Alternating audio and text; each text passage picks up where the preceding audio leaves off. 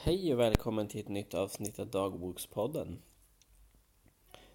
Det var ett tag sedan jag spelade in ett avsnitt nu för vi har haft eh, Egentligen inte därför, jag bara passade på när vi hade lov från skolan. Vi hade sportlov nu.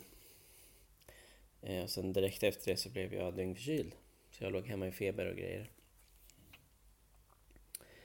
Eh, men jo, men när jag tänker efter så var nog en av anledningarna till att det var lov som gjorde just att jag inte spelade in då heller för inför sportlovet, jag hade verkligen inte längtat till lovet på något sätt. Eh, I och med att jag trivs så himla bra i skolan och tycker att det är så roligt, det jag får lära mig. Eh, så vill jag ju vara i skolan helst hela tiden för att jag har så roligt. Men det jag märkte när jag fick lov, eller när lovet började var hur fruktansvärt skönt det var att vara helt ledig. Jag hade verkligen inte förväntat mig det inför lovet som sagt. Eh, men det var så himla skönt och jag kände hur jag verkligen behövde den där pausen fast jag inte hade känt det innan.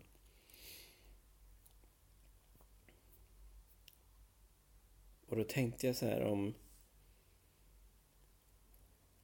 Men just på den grejen att jag inte kände innan att jag behövde en paus. Men när jag väl fick pausen så kändes den så välbehövlig och skön. Ehm. Och då tänker jag så här, om man ibland... Att man ibland kanske inte alltid vet vad man behöver helt enkelt. Eh, man inte alltid känner vad det är man behöver. För att man någonstans är upptagen i känslan av att ha roligt eller tycka saker känns bra. Så tar det liksom överhand för tanken och känslan på att behöva vila eller återhämta sig. Eh, och som högkänslig då så blir det väldigt tydligt ibland. Eh, jag kom på det nu att det är precis det här jag alldeles nyss sa, att man inte riktigt känner att man behöver en paus ibland. Det blir verkligen så för mig när jag har mycket saker som jag känner är roligt, som jag gör, som jag vill göra, så kanske det blir ganska lång period där jag gör saker i ett utan att återhämta mig eller utan att pausa ifrån saker. Eh, och då kommer en dag till slut när jag känner mig helt förstörd. Alltså jag är så trött.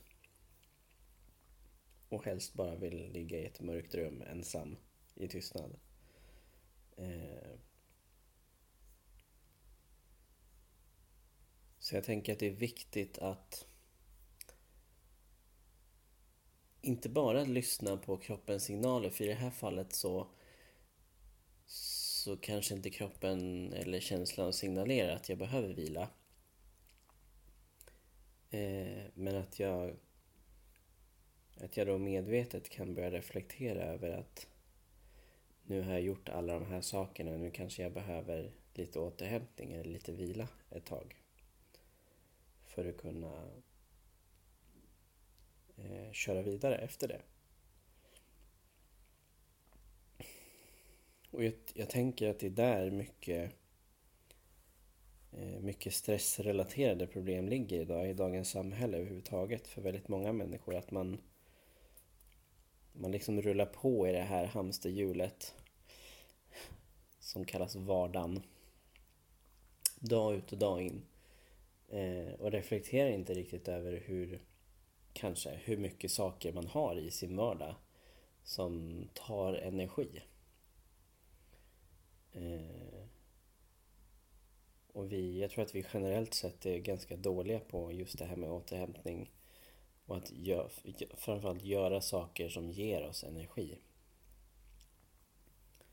Eh, och det kan ju vara saker som man kan eh, som man kan tycka är kanske energidränerande. Som att, ja men jag vet inte, kanske gå ut och springa eller eh, eh eller gå till gymmet eller leka med sina barn, vad det nu kan vara.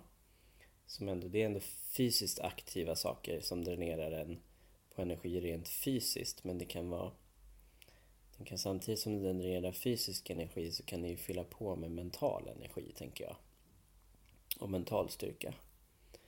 Eh, för mig i alla fall så är det en, en skillnad på de två.